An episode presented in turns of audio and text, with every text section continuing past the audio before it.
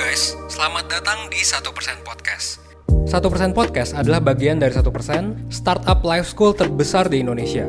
Dalam podcast ini kita bakal ngebahas topik-topik seputar kesehatan mental, pengembangan diri, serta edukasi life skills dengan tamu yang handal di bidangnya. Kami ingin kamu untuk bisa mendapatkan insight baru dan berkembang seenggaknya 1% setiap harinya. So that's all. Enjoy 1% Podcast untuk hidup seutuhnya.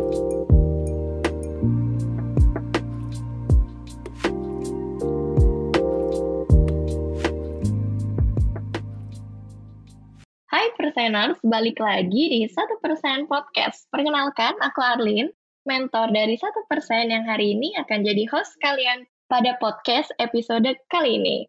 Nah, gimana nih kabar teman-teman Perseners? Semoga semuanya sehat-sehat ya.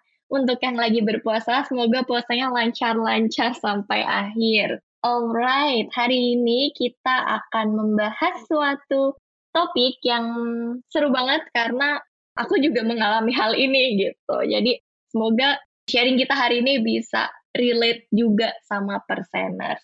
Tapi hari ini aku nggak sendiri karena hari ini aku ditemenin sama Kak Denika. Nah, Kak Denika ini salah satu mentor dari satu persen juga. Coba kita sapa dulu. Hai Kak Denika.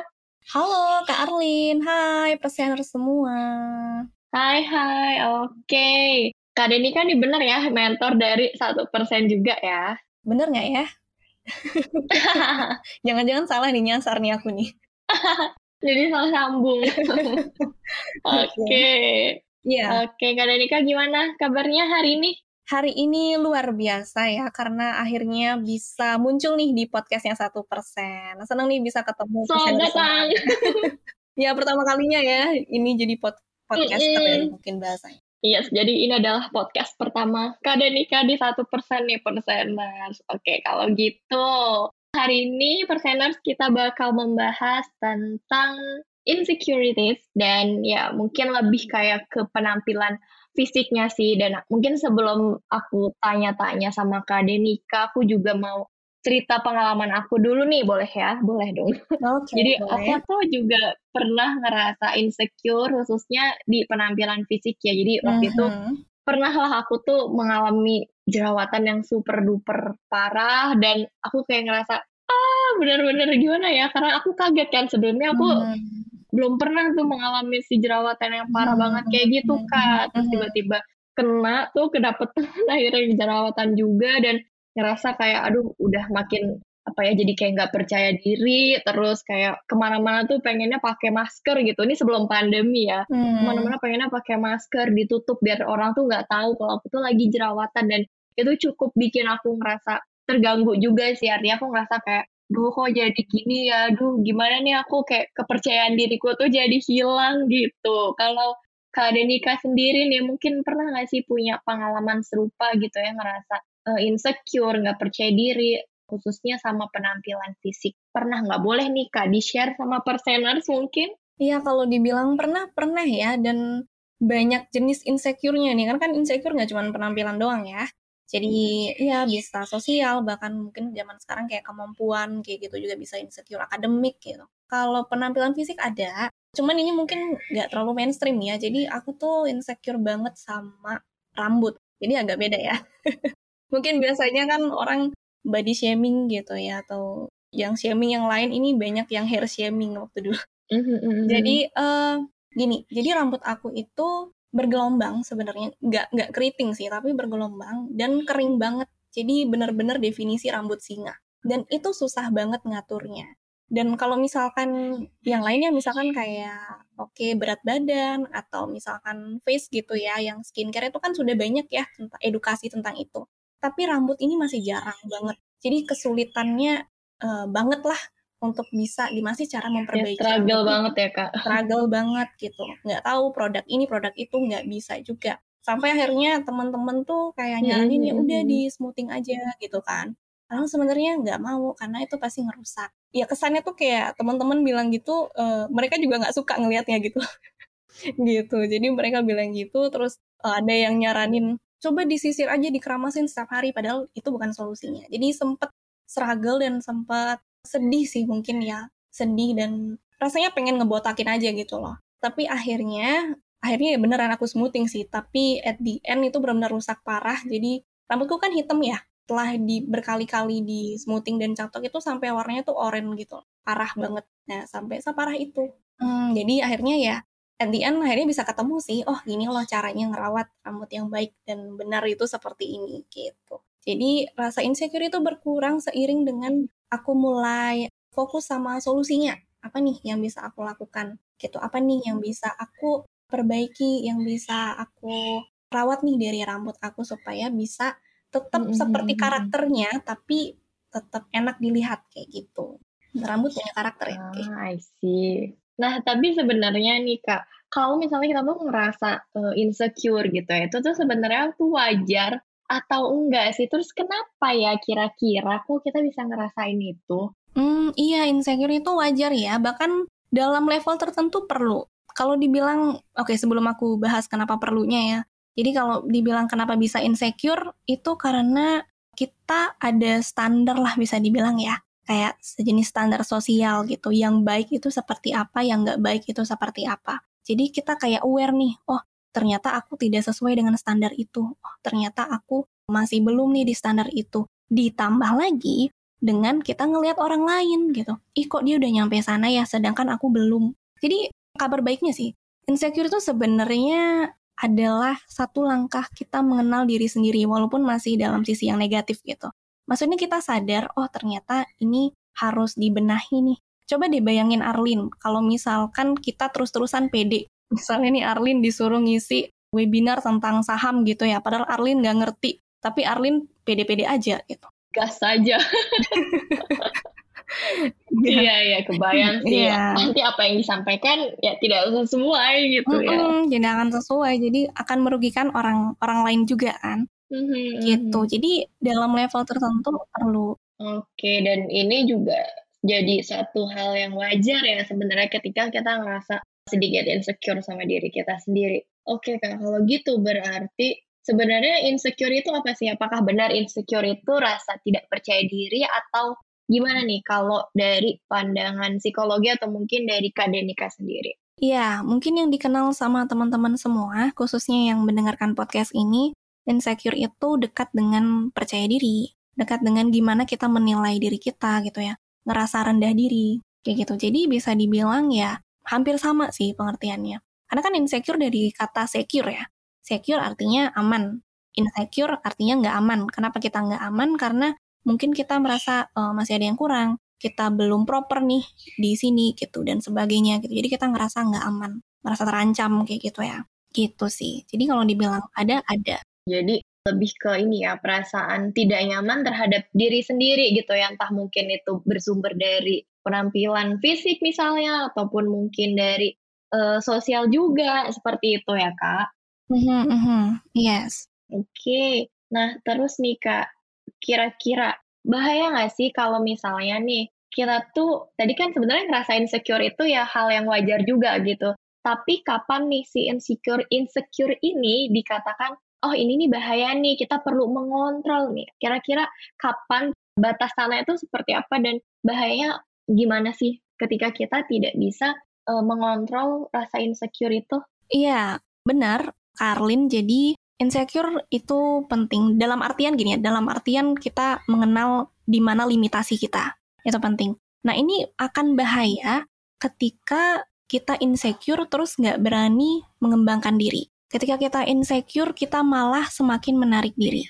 Atau ketika kita insecure, kita nggak mau berbuat apa-apa. Nah, di situ bahayanya. Jadi kayak pasrah gitu ya? Mm -hmm, iya. Sama ini juga sih aku pengen sampaikan juga, kita juga harus kritis sih sama apa yang kita insecurein. Ini khususnya tentang penampilan ya.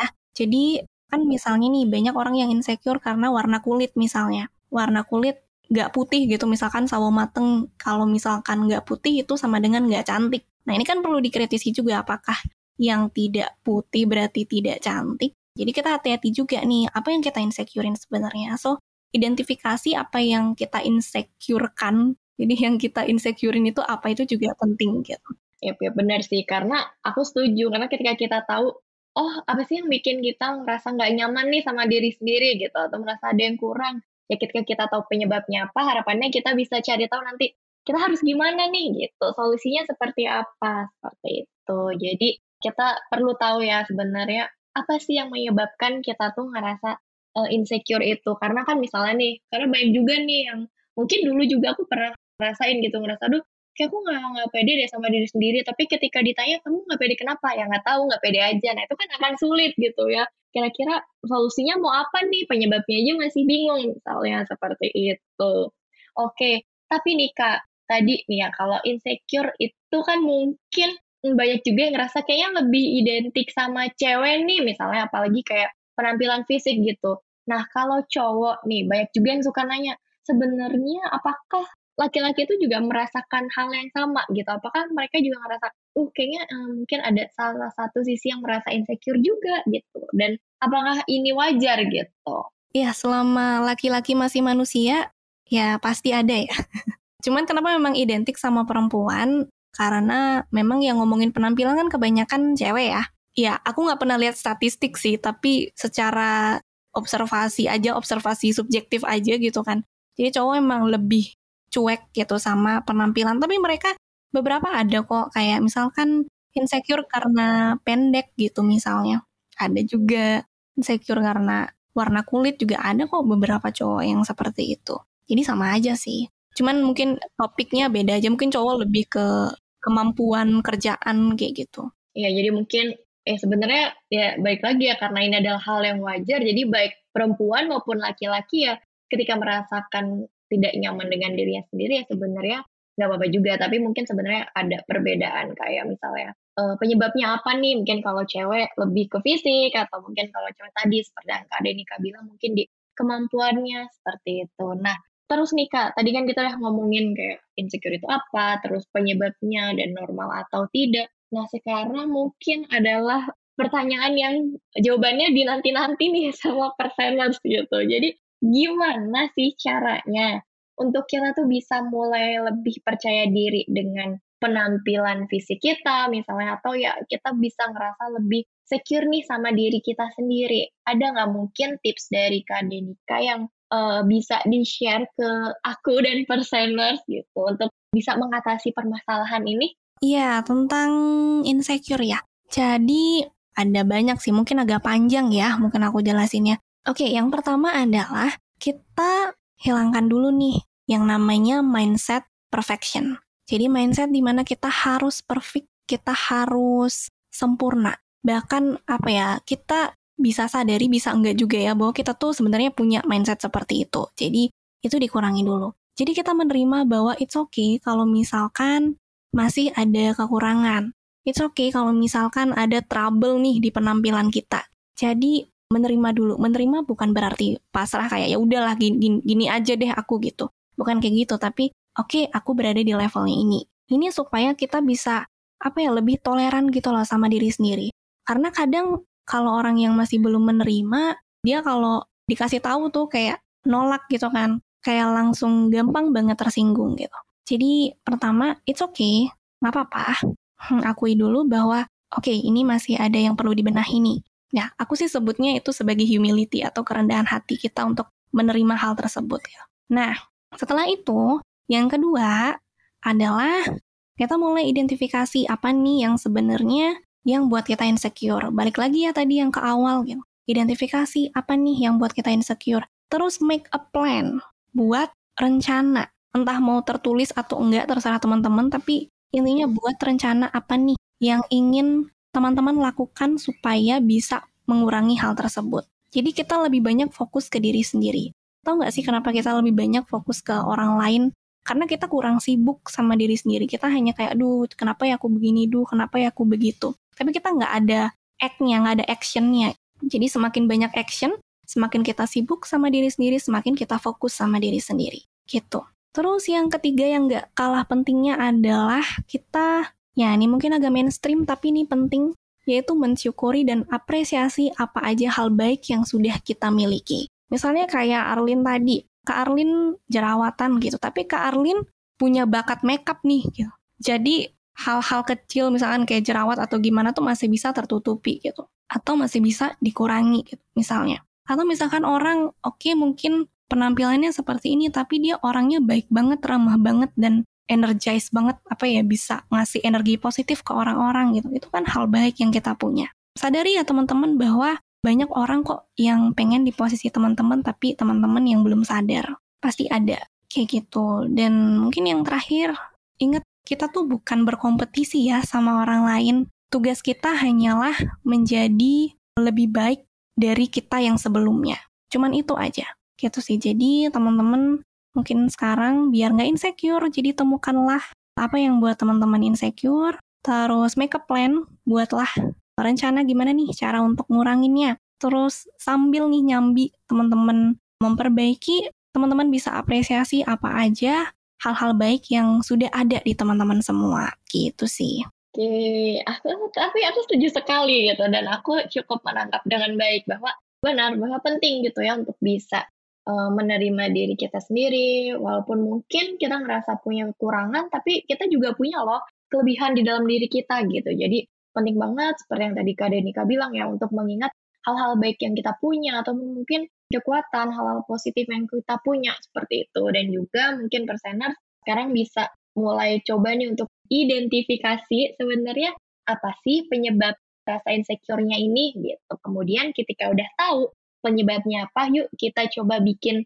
uh, rencana nih. Kira-kira uh, apa aja nih yang mau kita lakukan untuk bisa mengatasi permasalahan ini, misalnya begitu. Dan yang paling penting adalah melihat diri kita sendiri ya Kak Denika dengan standar diri kita, karena ya setiap orang itu pastinya berbeda gitu. Dan yang penting adalah kita tetap melihat diri kita sendiri dengan kacamata kita dan ya kalau mau membandingkan diri uh, coba yuk sekarang bandingin dulu diri kita yang sekarang sama yang kemarin gitu karena mungkin udah banyak loh hal-hal baik ataupun perubahan baik yang sudah kita lakukan dan mungkin kalau aku bisa kasih kata-kata nih ke perseners mungkin yuk kita sama-sama coba untuk menjadi versi terbaik diri sendiri gitu. Karena ya balik lagi seperti tadi kata Kak Denika ya setiap orang itu berbeda-beda gitu. Wow Kak Denika thank you banget udah mau sharing sama perseners seru banget dan sangatlah relatable. Jadi uh, mungkin dari Kak Denika nih terakhir ada nggak pesan singkat atau closing statement untuk para